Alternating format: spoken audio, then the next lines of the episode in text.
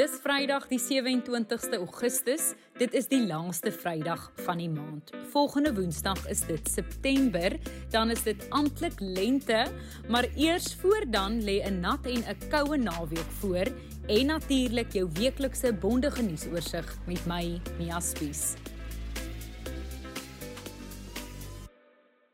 In 'n netedop het twee bomontploffings in Afghanistan tientalle lewens geëis.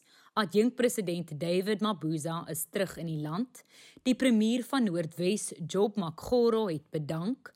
ANC personeellede staak oor salarisse. Die vreeslose fluitjieblaser Babita Dekuran is in Johannesburg vermoor. Die Pfizer-enstof is volledig deur die FDA goedgekeur.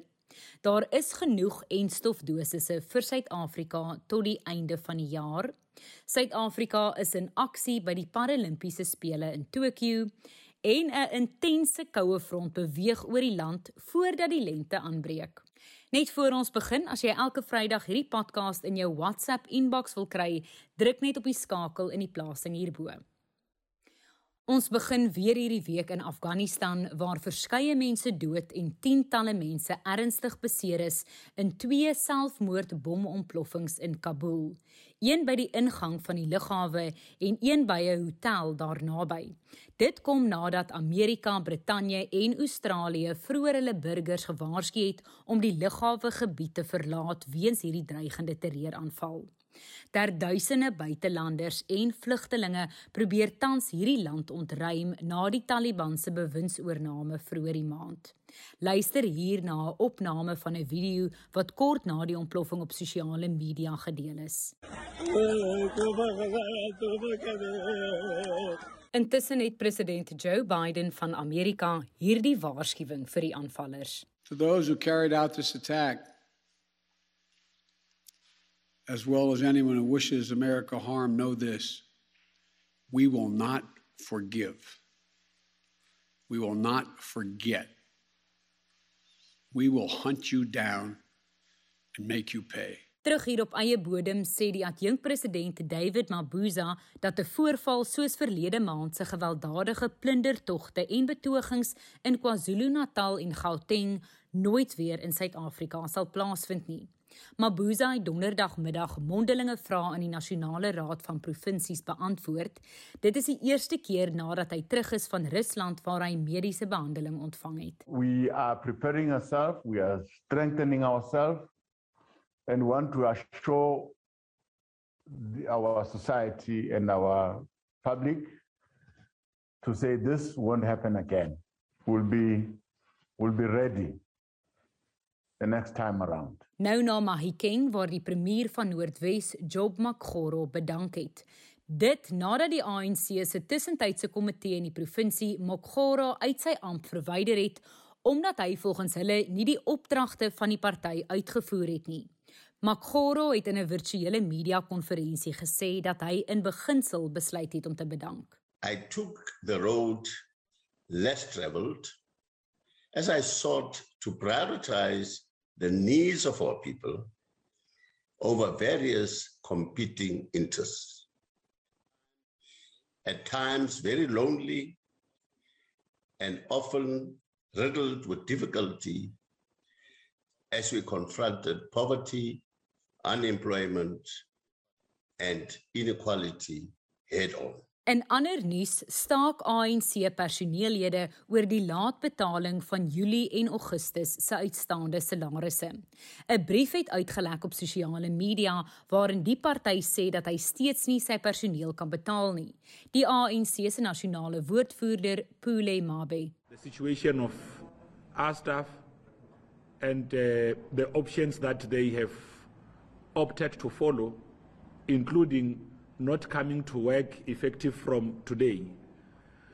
The ANC management will continue to engage with staff representatives on their grievances with a view to find a solution so that we can resume normal operations. Of course, uh, the leadership of the African National Congress, the Office of the Secretary General, and all of us, members of the National Executive Committee, who are full time here in the ANC, will continue to make sure that uh, we run the affairs of the African National Congress, we communicate with the uh, staff. Dan het ANC-lede ook die land se howe besig gehou hierdie week. Die geskorste sekretaris-generaal van die ANC, Ysma Gashule, se aansoek om verlof tot appel is virtueel in die Hooggeregshof aangehoor. Sy regsverteenwoordiger, Dali Mpofu, sê die Johannesburgse Hooggeregshof was bevooroordeeld teenoor hom. Nou na die voormalige minister van maatskaplike ontwikkeling, Batabile Dlamini, wat vir myn eet vervolg gaan word. Die aanklag hou verband met haar getuienis voor die konstitusionele hof oor haar betrokkeheid by die SASSA uitbetalingskrisis in 2017. Dan het oud-president Jacob Zuma sy ondersteuners gevra om hom te help om sy regskoste te betaal. Die Jacob Zuma Stichting het in 'n Twitter-plasing 'n beroep op die land en die wêreld gedoen om hom te help met skenkings. In ander nuus het die regterlike dienskommissie Woensdag gestem dat John Hlophe, regter-president van die Hooggeregshof in Kaapstad, in 'n staat van beskuldiging geplaas word. Dit nadat die regterlike gedragstribunaal Hlophe vroeër die jaar eenparig skuldig bevind het aan grouwe wangedrag omdat hy in 2008 twee regters van die konstitusionele hof probeer beïnvloed het om sake in oud-president Zuma se guns te laat swaai. Nou na 'n baie tragiese storie, 'n senior amptenaar van die Gautengse departement van gesondheid is maandag buite haar huis in die suide van Johannesburg doodgeskiet. Die spesiale ondersoekeenheid het bevestig dat Babita Dekoran, 'n belangrike getuie in 'n saak oor moontlike bedrog in die Gautengse departement van gesondheid was, wat verband hou met die aankoop van persoonlike beskermende toerusting. Die fluitjieblaser is donderdag in KwaZulu-Natal te ruste gelê. Babita You died a hero, not only to your family, but for all the peace loving, honest citizens of South Africa. A strong and courageous woman who stood up for what was right and was not afraid to speak out against ruthless wrongdoers.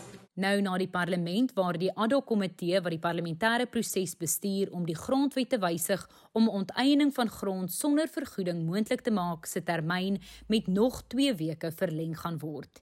Die komitee se sperdatum om sy werk te voltooi is binnekort, maar die nuwe spreker van die nasionale vergadering, Nosiviwe Mapisa Nkakula, het vir die komitee uitstel gegee. Let's give the committee time even though there may be people who feel strongly that the committee has now completed its work, but still, I, I think that let's give them an opportunity to round up everything so that when we receive a report from the ad hoc committee, then uh, we do not uh, encounter problems. Nou na COVID-19 nuus, mense in die 18 tot 34 jaar ouderdomsgroep kan die laaste week ook teen COVID-19 ingeënt word.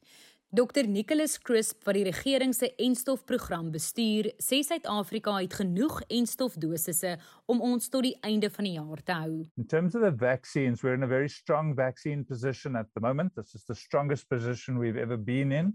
We've received so far almost 22 million doses of vaccine. But what's more important is that in the country at the moment, there are more than 10 million doses of vaccine. Meer as 11,6 miljoen dosisse van die Johnson Johnson en die Pfizer-enstof is nou al in Suid-Afrika toegedien.